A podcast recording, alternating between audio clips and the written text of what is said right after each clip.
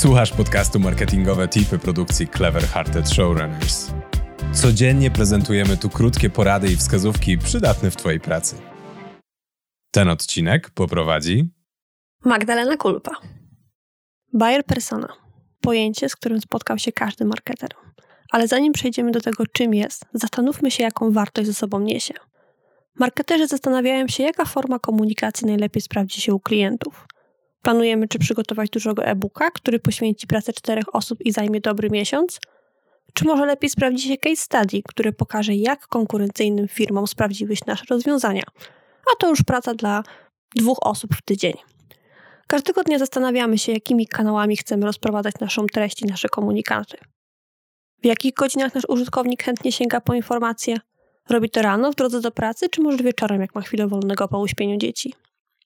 To są kwestie, o których myślimy na co dzień i do których wykorzystujemy własne doświadczenia.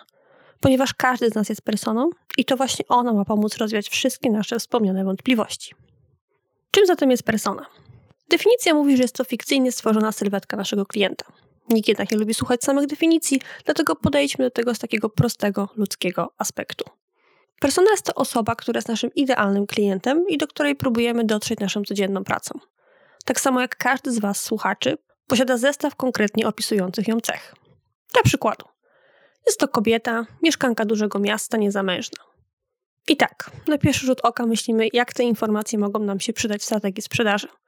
Zgadzam się z Wami, same w sobie nie mają dużej wartości, ale w połączeniu z informacjami takimi jak to, że prasę i newsy sprawdza rano w drodze do pracy, bo południa ma zajęte, nienawidzi pop-upów, zakupów dokonuje najchętniej rano, zanim rozpocznie pracę i zawsze, ale to zawsze zapisze się do newslettera, bo nie pogardzi żadnym rabatem, już pewnie tak. Jak widzicie, persona to potężne narzędzie, które w połączeniu z całą strategią content marketingową pozwoli tworzyć treści i materiały, które sprzedają. A tak przy okazji persona, o której usłyszeliście, właśnie do Was mówi ponieważ każdy z Was jest personą. Przejdźmy zatem do poznania procesu tworzenia buyer persony. Zacznijmy od tego, jakie dane składają się na stworzenie naszej sylwetki. Rozróżniamy siedem podstawowych punktów, których dokładne przeanalizowanie pozwoli nam określić, jak wygląda nasz klient. Pierwszym punktem są dane demograficzne, w skład których wchodzą informacje podstawowe takie jak wiek, płeć, lokalizacja czy stan cywilny. Te informacje pomagają nam w określeniu tego, jak chcemy się komunikować. Na przykład, czy zwracamy się do persony na ty, bo jest młoda i na pewno zrozumie miejski, panujący slang. Drugi punkt to wykształcenie. I tutaj należy zastanowić się, jaką szkołę skończyła nasza persona, czy uczęszczała dodatkowe kursy, czy posiada jakieś certyfikaty, czy chętnie zdobywa wiedzę. To pomoże nam określić na przykład, w jakim stopniu zaawansowany jest nasz klient oraz jakie jeszcze uzupełniające informacje mogą go interesować. Punkt trzeci z pozoru najbardziej interesujący, czyli życie zawodowe. Aspekty, które musimy poruszyć, to to, jak wygląda stanowisko, na którym pracuje, czy jest ono samodzielne, czy jest osobą decyzyjną, jak długo w nim pracuje. Oraz jedno z najważniejszych pytań, na które musimy sobie odpowiedzieć, jaką rolę odgrywa w naszym procesie zakupowym. To bardzo ważne dane, dzięki którym dowiemy się, czy musimy dać naszemu odbiorcom argumenty do przekonania innych, czy może sam już podejmuje decyzję. Punkt czwarty, wywodzący się bezpośrednio z punktu trzeciego, to informacje o firmie, w której pracuje. Jak długo jest na rynku, w jakiej branży sprzedaje, w jakiej branży działa, jak dużo osób zatrudnia. Pomoże nam to określić, z jakim graczem mamy do czynienia oraz z jakimi firmami konkuruje na co dzień. Kolejny interesujący nas aspekt to codzienne nawyki. Bardzo ważne, żeby zastanowić się, z jakich narzędzi korzysta do zdobywania wiedzy, jakie lubi materiały, jakie materiały do niej przemawiają, czy przygląda prasę rano, czy może dopiero po południu. Te informacje odnoszą się już bezpośrednio do naszych działań marketingowych i tego, jak i kiedy chcemy je przekazywać. Punkt szósty porusza kwestię wyzwań. I tu mam na myśli tego, co uważa za swój sukces.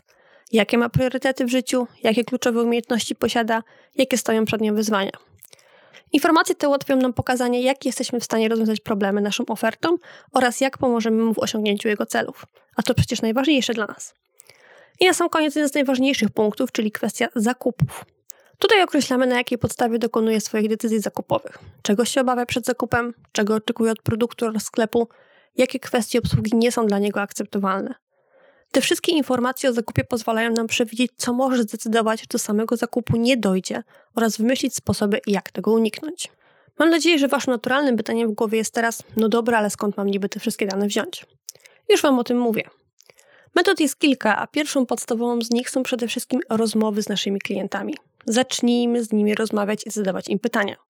Możemy robić to w formie ankiet, badania MPS, pop-upu na stronie z krótkim interesującym nas pytaniem i mogą one na przykład zawierać pytanie, jak trafiliście na naszą stronę.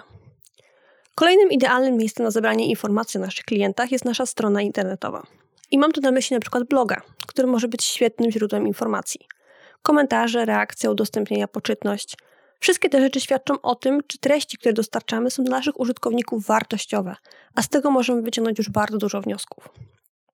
Idealnym źródłem wiedzy o naszych użytkownikach jest również biuro obsługi klienta, które na co dzień ma styczność z odbiorcami i dokładnie wie, z jakimi problemami się zgłaszają, gdzie pojawiają się trudności oraz z czym sobie nie radzą.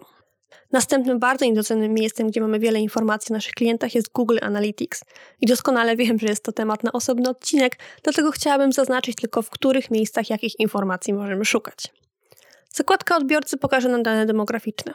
W sekcji pozyskiwania znajdziemy informacje o kanałach, jakimi nasz użytkownik do nas trafił, dzięki któremu będziemy mogli sprawdzić, które miejsca najlepiej nam się sprawdzają.